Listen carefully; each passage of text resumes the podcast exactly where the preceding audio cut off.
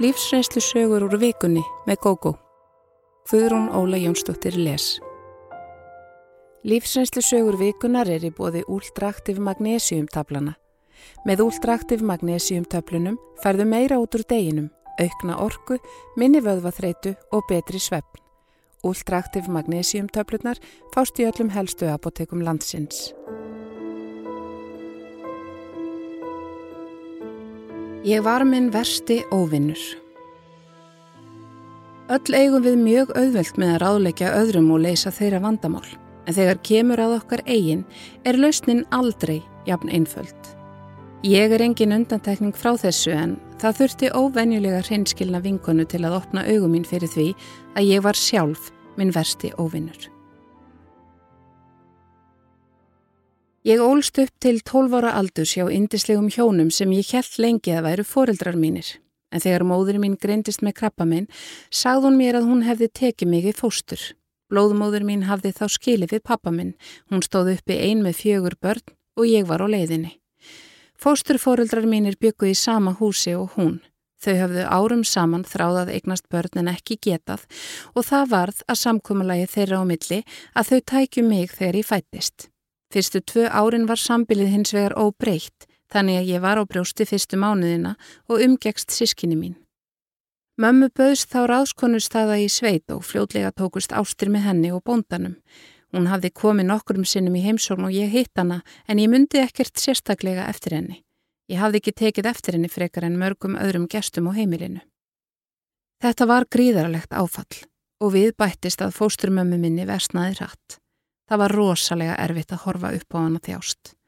Við pappi reyndum að styrkja hvort annað en vorum eiginlega bæði jafn tínt þegar hún dó. Ég býst við að það hafi orðið til þess að ég leitaði uppi blóðmóður mína á sískinni.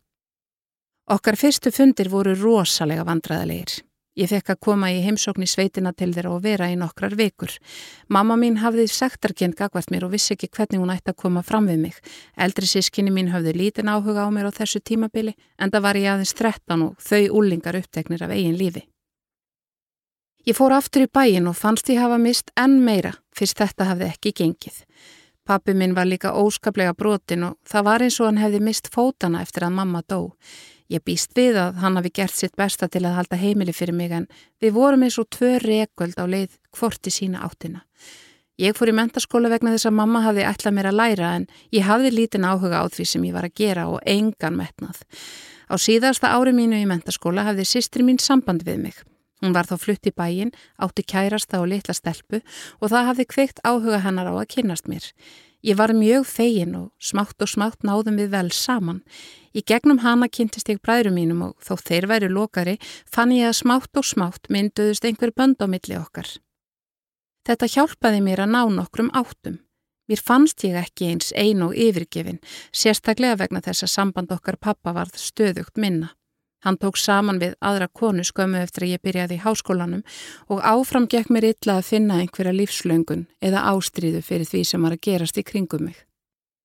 Þegar ég kynntist áskeri var ég leitt áfram af sama stefnuleysi og hálf velgu. Í samband okkar þróaðist hratt og fyrir en varði voru við farin að búa saman. Ég var aldrei vissu um mínar tilfinninga til hans en fannst ásamlegt að hann væri ástfangin af mér. Í mínum huga síndi það að ég væri einhvers virði en var ekki sérstaklega góður grunnur undir ástarsamband en það fór fljótlega að bera á erfileikum í samskiptum okkar. Þegar upp úr því slittnaði fann ég fyrir ákveðinu deburð en ekki beinlinni sorg. Lengi taldi ég mig samt trúum það og bjóð til umtalsvert drama í kringum þetta, aðalega til að fá samúð vinkvennana. Þegar ég lít tilbaka til þessara ára sé ég að ég var að leita mér að samastadi tilverunni, langaði að tilheyra einhverjum hópi eða fjölskyldu en fannst ég standa utan garðs allstæðar. Var líka alltaf eins og dofin. Allar tilfinningar voru á yfirborðinu og ristu ekki djúft. Lífið helt áfram að ganga sinn gang. Ég laug námi, slagaði aðeins yfir meðalagið, fekk vinnu og stóð með þokkalega, kynntist öðrum önnum en hafði aðeins takmarkaðan áhuga á þeim.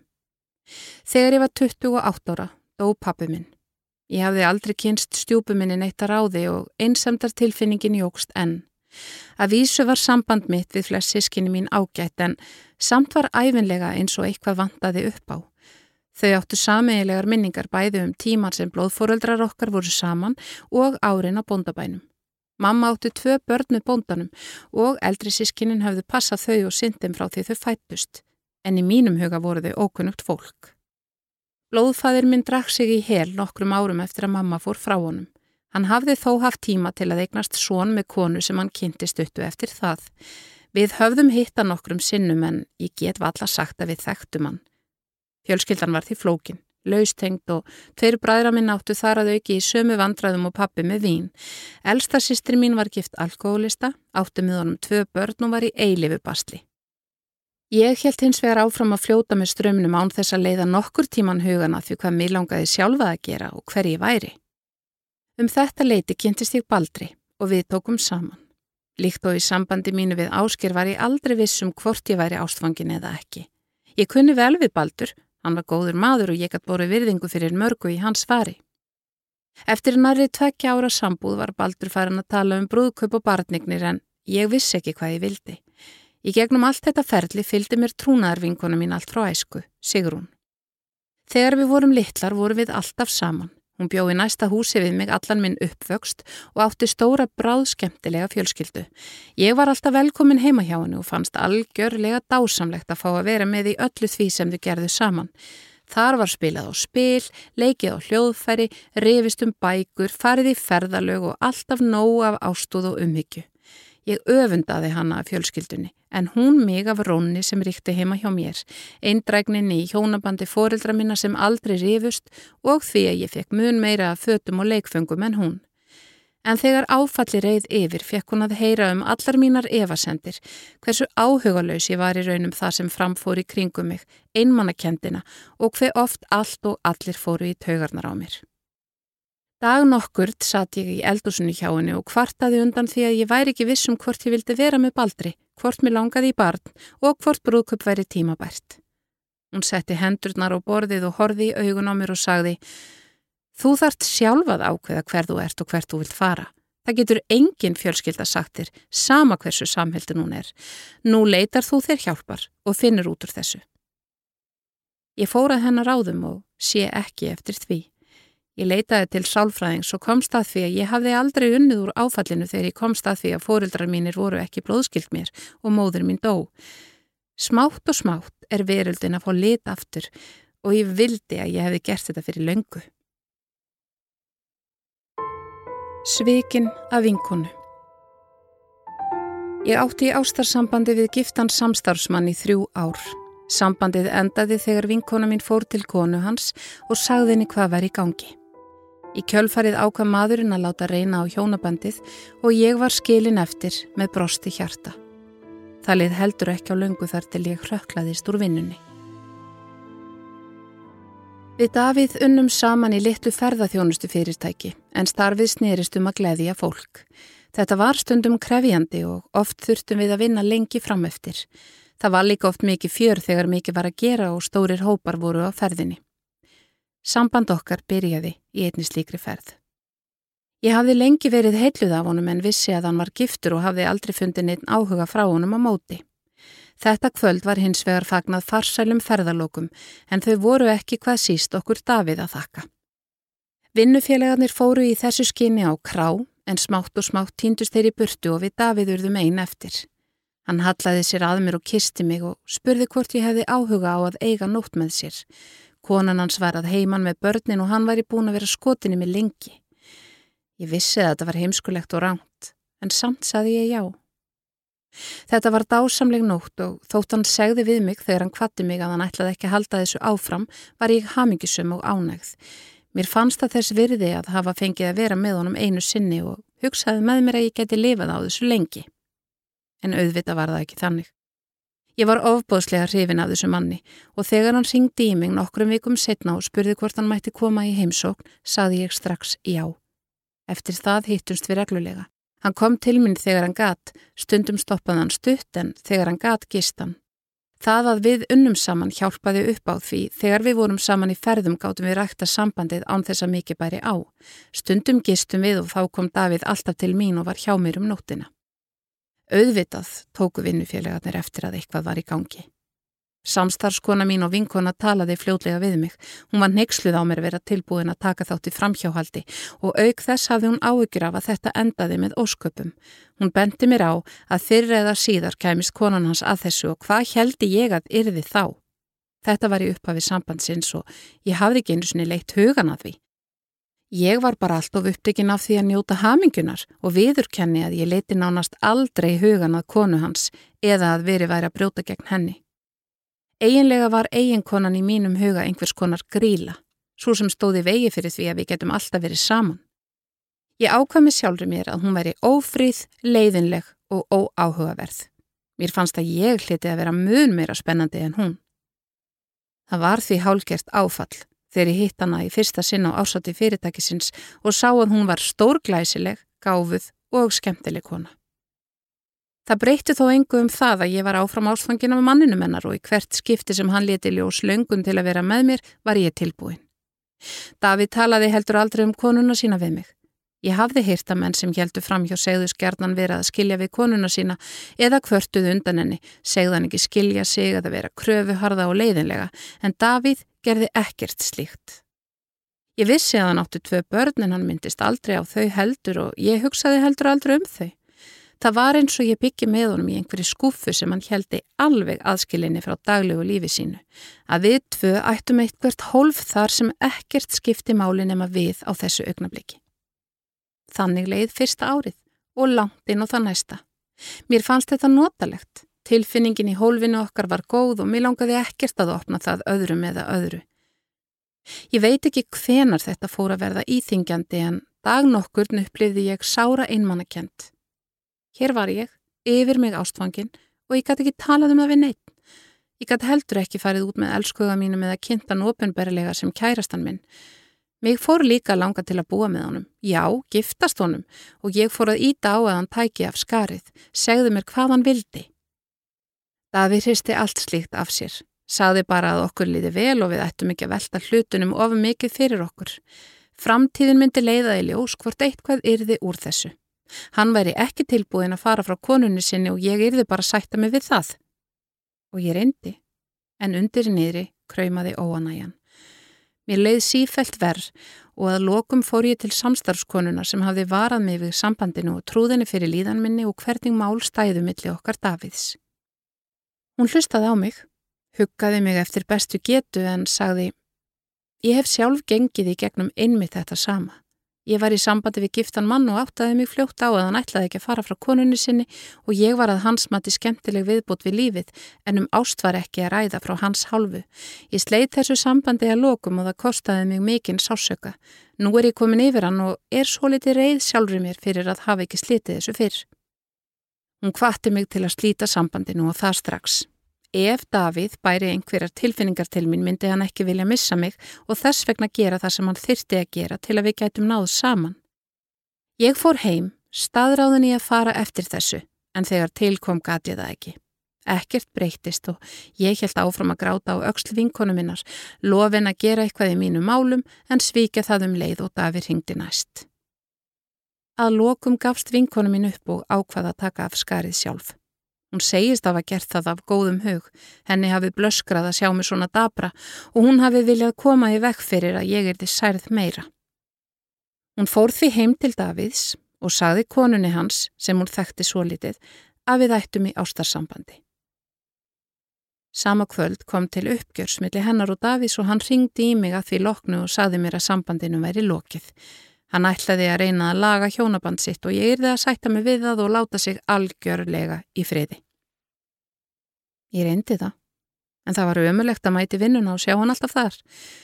Ég viður kenna að ég brotnaði nokkru sinni niður. Já, ég fór í allan pakkan, sendi SMS full, ringdi, sendi tölviposta og Facebook skilabóð og reyndi aftur og aftur að nálgast hann í ferðum. Hann var alveg ákveðin og alltaf kaldur þegar hann vísaði mér á bög. Að lókum gati þetta ekki og sagði upp vinnunni. Ég fekk að fara sama dag og þurfti ekki að vinna uppsagnafrestin. Ég held að eigendur fyrirtækisins hafi verið fegnir að losna við mig því ástandi milli okkar Davís var orðið óþólandi fyrir alla. Nú er ég að reyna að byggja sjálfa mig upp aftur. Samstarfskonan sem sveik mig er ekki vinkona mín lengur. Ég get ekki einu svonni hort á hana. Ég veit ekki hvort ég verð nokkuð tíma jafn ástfangin aftur og oft sakna ég Davís óbærilega mikið. Ég veit að það er ángt að halda við gifta menn, en stundum finnst mér að það litla sem hann veitti mér hafi verið betra en ekkert. Ástin á sextugsaldri Ég var komin hátt á fymtugsaldur þegar ég skildi. Í tíu ár var ég ein og fann stöðugt óleiklegra að Ástin bankaði aftur upp á í lífi mínu. Þegar ég kynnti skunnari fannst mér lífið dásamlegt og eiginlega of gott til að vera satt. Það kom líka á daginn að hann var ekki sá sem ég held hann væri. Gunnar var ekki maður. Hann hafði mist konu sína úr krabbameinu um svipaleiti og ég skildi við mannin minn. Þau hjónin höfðu átt og reiki fyrirtæki saman og verið mjög velstödd fjárrakslega. Gunnar satt í óskiptu búi en tvö barna hans unnu við fyrirtækið. Kona hans átti mikið af önduðum fötum og skarkripum sem Gunnar hafði skipt millir dætra þeirra. Sónurinn fekk í staðin bíl móður sinnar en allt annað á heimilinu var eins og hún skildi við það. Gunnar bjó í stóru fallegu ymbilishúsi en ég átti litla íbúð. Við byggum hvort í sínu lægi en hittum stofti viku og fljótlega var ég farin að vera meira heimi hjá honum en mér. Ég var því farin að flytja með mér eitthvað af nöðsynlegum fötum og snirstifurum. Gunnar tók því ágætlega, bjóð til rými fyrir mig í fataskápum og baðskáp en bað mig að láta ekki dóti mitt sjást.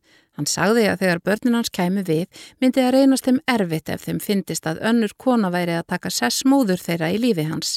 Mér fannst það mjög eðlilegt til að byrja með og hugsaði með mér að þau hlitu að venjast við og smátt og smátt gæti ég eignast vináttu þeirra.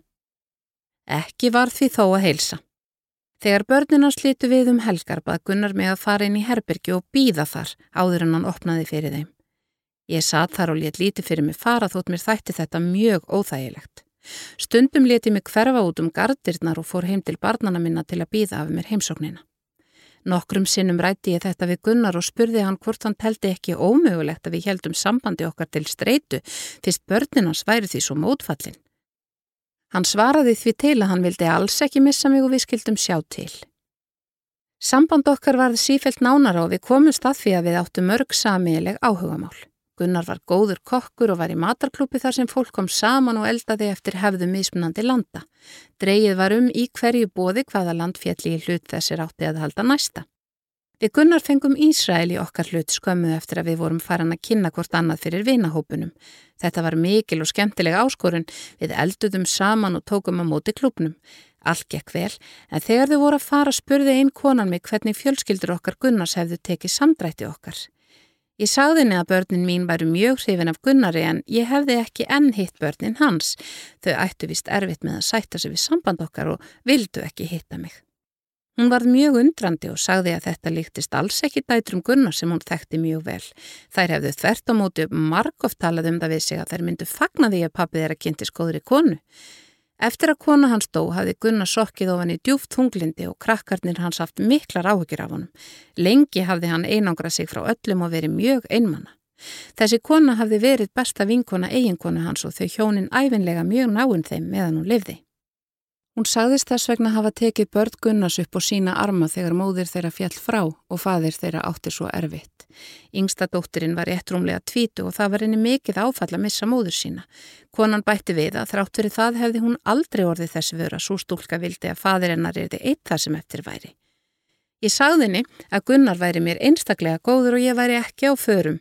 Ég hefði fulla trú á að börninans myndu koma til og fyrir eða síðar getum við öll orðið vinir. Nokkrum dögum setna fekk ég uppringingu.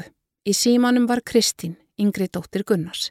Hún hafði talað við konuna úr matarbóðin og vildi endilega hitta mig og stakk upp á að við færum saman í hátdeismat. Ég varðuð við að afskaplega glöð við og þar sem við vorum báðarlausan þennan dag ákvaðum við að hittast strax þá. Þegar ég komin á veitingastadin voru þar fyrir öll þrjú börðinas Gunnars. Þau tóku mér fagnandi og sögðust glöð að ég vildi loksins hitta þau. Mér brá rosalega og sagði þeim eðilögð að ég hefði alltaf haft mikið náhuga á að kynast þeim. Þau eruðu undrandi og sögðu mér að pappið þeirra hefði sagt þeim að ég var í feimin og kvíðin að hitta þau. Í hvert sinn sem þau letu í ljós löngun til að hitta mig hefði hann sagt að það yrði að býða. Ég teldi enn ekki tímabært að allir kemur saman og ég væri sætt við að þau höfnuðu mér. Þau höfðu verið óskaplega sár og svo litið móðguði yfir að ég leti mig alltaf hverfa inn í herbyrgi þegar þau kæmu eða laumaðist út baktir að megin. Þau voru farin að velta fyrir sér hvort ég væri eitthvað skrítin eða mér væri ekki alvara með sambandi mínu við pappa þeirra. Þeim dætt í huga ég væri að reyna að fá sem mest útrónum peningalega og ætlaði síðan að láta mig hverfa. Það fannst þeim líklegasta skýringin fyrst ég gæti ekki horst í augu við þau eða tekið þátti lífi pappa þeirra fullu. Ég var það vonum slegin og eðilögð, sagði þeim að þetta væri alls ekki raunin. Gunnar hefði sagt mér að þeim þætti erfitt að horfa upp á mig á heimilinu sem mamma þeirra hefði skapað og hann hefði beðið mig að láta lítið fyrir mig fara og ekki dreifa mínu munum um húsið. Þau eruðu mjög hissa og ég sá að þau voru í bafa um hvort þau ættu að trúa mér. Þessi fundur endaði með því að ég brotnaði niður og fór að gráta. Við kvöttumst þó án okkur skala og þau báðu mig að tala við pappa sinn og aðbjóða hvort ekki væri hægt að skipuleika matarbóði eða einhverja samkomi svo hægt væri að byrja samskiptin á nýjum og betri nótum. Ég ringdi í Gunnarum leið og ég kom út í bíl og sagði honum hvað hefði gerst. Ég baði hann að hitta mig heima hjá sér og tala út um þetta mál, svo ringdi ég í vinnunáli að vita að ég kæmi ekki eftir hádegið. Þegar heim til Gunnars kom ætti mér ekki yðrandi syndari sem sá eftir að hafa blekt bæði mig og börnin sín, Nei, þar satt kaldur og vondur maður sem jós úr skálum reyði sinnar yfir mig. Hann spurði meðal annars ösku yllur hvernig ég dyrfðist að tala við börnin sína án hans leifis. Þá var mér nóbóðið. Ég stóð upp og tók saman það litla sem ég átti heima hjá honum, gekk út og lokaði á eftir mér. Gunnar ringdi mér tviðsvar eftir þetta, en ég svaraði ekki. Ég hef oft velt fyrir mér hvers vegna hann hegðaði sér eins og hann gerði. Hugsanlega fannst honum af mikil binding að opna alla leiðin í lífsitt eða kannski vild hann bara hafa mig á einum stað í lífi sínu og börnin á öðrum. Hvað sem það var þá var ég lengi brotin og særð eftir þessa reynslu. Mér fannst eins og ég hefði verið vegin og léttvæg fundin af þessum elskuga mínum. Að minnstakosti var ég ekki nægilega merkileg til að börnin hans mættu kynast mér. Leikskóla fasistinn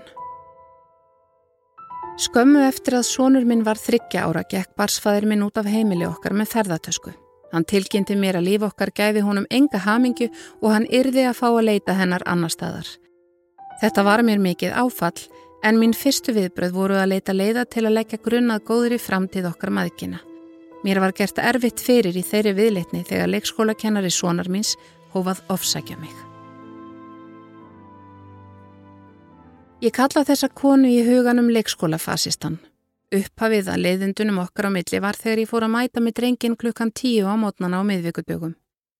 Ástæðan var svo að ég var í námi og átti ekki að mæta í tíma fyrir en rúmlega 11. Til að halda íbúðinu og geta lifað vann ég aðra hvora helgi meðan drengurinn var hjá pappa sínum. Oft þurfti ég að vinna líka mínar helgar vegna blankheita og þá tók sýstri mín drengin. Mér fannst þess vegna gott að eiga rólegan morgun í meiri viku með barninu mínu. Við lágum saman og spjöllum þessa mótna, borðuðum í róliheitum og fórum svo í skólan. Í þriðja sinn sem þetta gerðist kom þessi kona til mín. Hún setti upp upp skrúfaðan hrókasvip og sagði Það er mjög óhendugt að þú komir svona seint með barnið. Hann missir af svo miklu ef hann fær ekki morgumat með vinum sínum og tekur þátt í starfinu hér. Ég útskýði fyrir henni að þetta væru gæða stundir hjá okkur tveimur og hann borðaði heima svo ég gæti ekki ímynda mér að þryggja ára barn bæri skada af. Hún mótmælti og hjælt áfram að ítrekka að það væri ekki gott fyrir barnið að missa af starfinu á leikskólanum. Ég viðurkenni að þessar aðtugasemdir fóru í taugarnar á mér en ég ákvaða að láta þetta sem vindum eiru þjóta og halda áfram að gera eins og mér hendaði best. Næsta miðugudag mætti ég því klukkan tíu og fekk þá aftur tiltal. Að þessu sinni var það svo slæmt fyrir hinn börnin að sonur minn kæmi svona seint. Þetta trublaði alla og erfitt fyrir leikskólakennaran að koma á ró aftur eftir að friðarspillirinn, sonur minn, væri komin á staðin. Ég endur tók fyrir svör og bætti við að staða okkar um þessar myndir væri erfið, barsfæðurinn í farin og ég væri að reyna að vinna okkur frá ymsum fjárrakskuldbindingum og í ofanalagi námi. Mér þætti því gott að geta nýtt frítíma með barninu þegar hann gæfist. Í mínum huga var þetta mál útrætt en augljóslega var hún ekki sama sinnis. Næsta miðvíkudag á eftir var ég kölluðinn á skrifstofi leikskólastjórans og spurð hvort ég þyrti á þessu leikskólaplási að halda. Ég varð algjörlega kæft stopp af undrun og sagði, já, auðvitað. Skólastjórin sagði þá að sér hefði verið sagt að ég kemi alltaf senkt með drengin og skýringin sem ég gæfi væri svo að ég væri frí og vildi nýta tíman með honum. Þetta kom mér í opna skjöldu en ég bendi þessari vingjarlegu eldri konu á að ég kemi einn dag í viku tveimur tímum setna með barnið en alla jafna. Ef það væri til marksum að ég þyrti ekki plásið, finnist mér fulldjúft í árinni tekið. Leikskólastjórin var svo liti vandraðilegur en sagði að sínar upplýsingar hefðu verið að þetta væri mun oftar. Við skildum ágætti svinir og ég fekk það staðfest að engin skaði væri skeður þótt ég kísi að njóta þessa tíma með drengnum. Næsta morgun tók leikskólafasistinn á móti mér með ábyrrandi fílusvip. Hún valla heilsaði og snýri sér undan um leið og hún gatt. Mér var alveg sama en ekki leið og löngu þar til ég áttaði mig á að þetta mál var sannlega ekki búið. Um það byrju viku síðar var ég á leið heim með drengin þegar hann spurði mig Mamma, er ég vælukjói? Ég kváði undrandi á að barn á fjórða ári almennt notaði þetta orð, neytaði, en spurði um leið hvers vegna hann spyrði að þessu. Hann sagði mér þá að leikskólafasistinn hefði sagt að hann væri vælukjói af því hann gret undan stríðinni tvekja stelpna sem voru með honum í skólanum. Ég snöggreitist og næsta dag veki mér að þessari konu og spurðana hvort henni þætti forsvanalegt að kalla drengin vælukjóa. Mér finnist það sannlega ekki við hæfi. Hún varð alveg hissa og kannadist ekki við að hafa sagt þetta en þá steg fram annar starfsmæður og saðist að hafa heyrt hann að segja þetta. Hún sagðist þá ekki muna eftir þessum orðum en baðst afsökunar því líklega hefði hún mist þetta út úr sér. Ég hvaðst ætla að taka afsökunar beðinina til greina. Eftir þetta kom nokkuð langt tímabil friðar. Mamma mín bjó utanlands á þessum tíma en kom heim í desember og ætlaði að vera yfir jólinn. Ég var í prófum og mamma bauðst til að sækja strákin á leikskólan og passan svo ég geti lesið fram eftir kvöldi á bókasafninu. Ég fór á lestofuna þegar ég var búin í prófinu og slökti á símanum til að trubla ekki aðra. Mér gekk vel að læra og nokkrum klukkutímum síðar kveitti ég aftur á símanum. Hann ringdi um leið.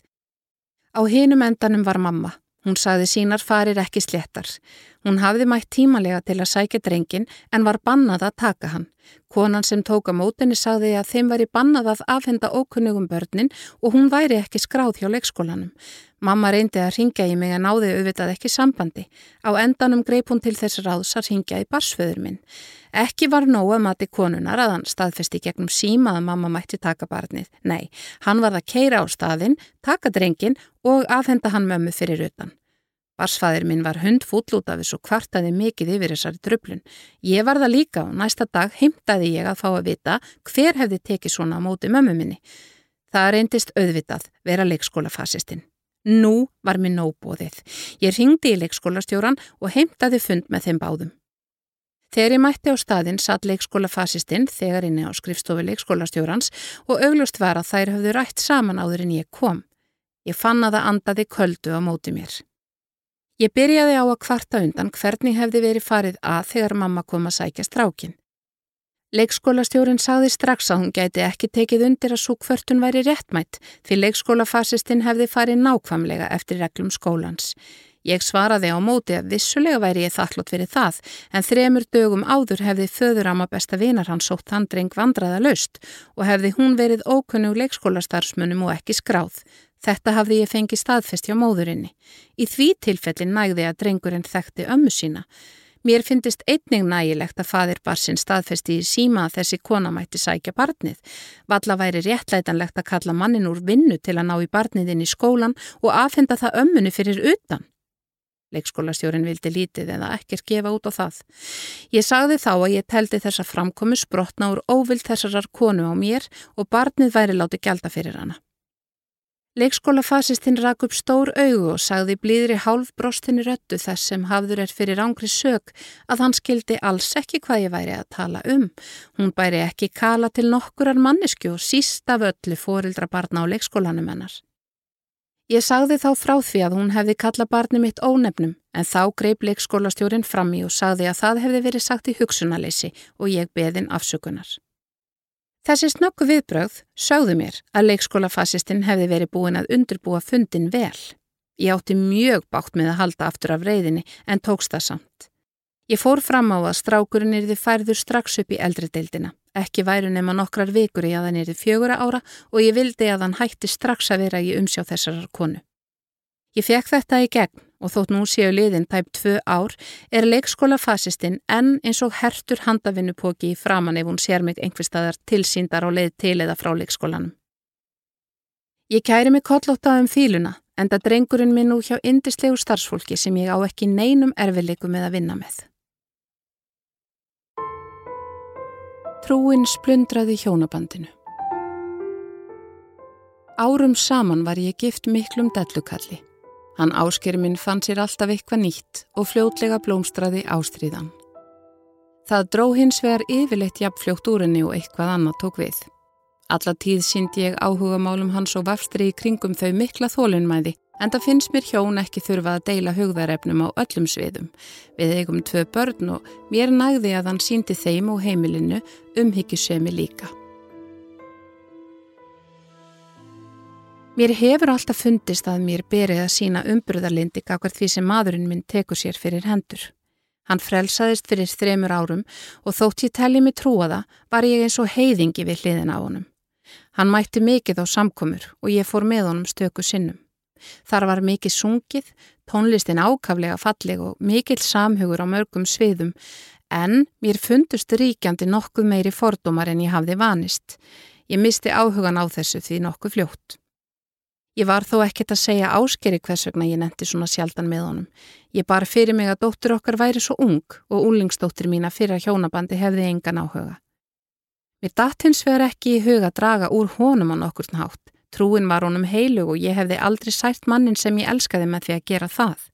Stundum var ég þó pyrruði yfir fjárveru hans og því nokkuð sérstæða og skrítna fólki sem hann dróstundum með sér heim. Snemma sumar sitt árið komst ég að því að hann var búin að skipuleggja sumarfríið okkar út frá söpnuðinum. Ekki bara var á dagskráni mótum vestlunumannahelgina, heldur beigð Ími sjálfbóða vinna yfir sumarið. Hann hafði lofað aðstóð okkar, aðstóð minni að mér fórspurðri og hafði að auki skráð dóttur okkar í kristilegt starfi þessum söpnuði.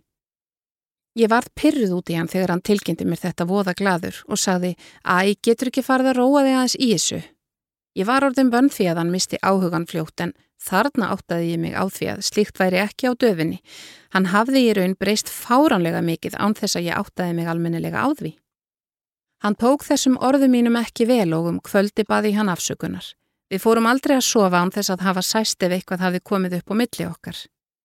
Mér fannst ásker ekki alveg sáttur þótt hann segðist vera það en hugsaði samt ekki mikið út í það. Okkur hafði svo sem greint á áður og þá jöfnuðu málinn sig fljótt eftir að bæði höfðu fengið tíma til að hugsa sig um og leifa reyðinni að sjatna. Yfirleitt töluðum við þá saman um það sem upphafði komið og fundum laust sem báðir aðilar gáttu sætt sig við. Einn af helstu kostum áskirs var ávalda mínumati hversu auðveldan virtist eiga með að skilja sjónar með annara og sína samgirni þegar því var að skipta. Í þetta sinn var ekkert talað.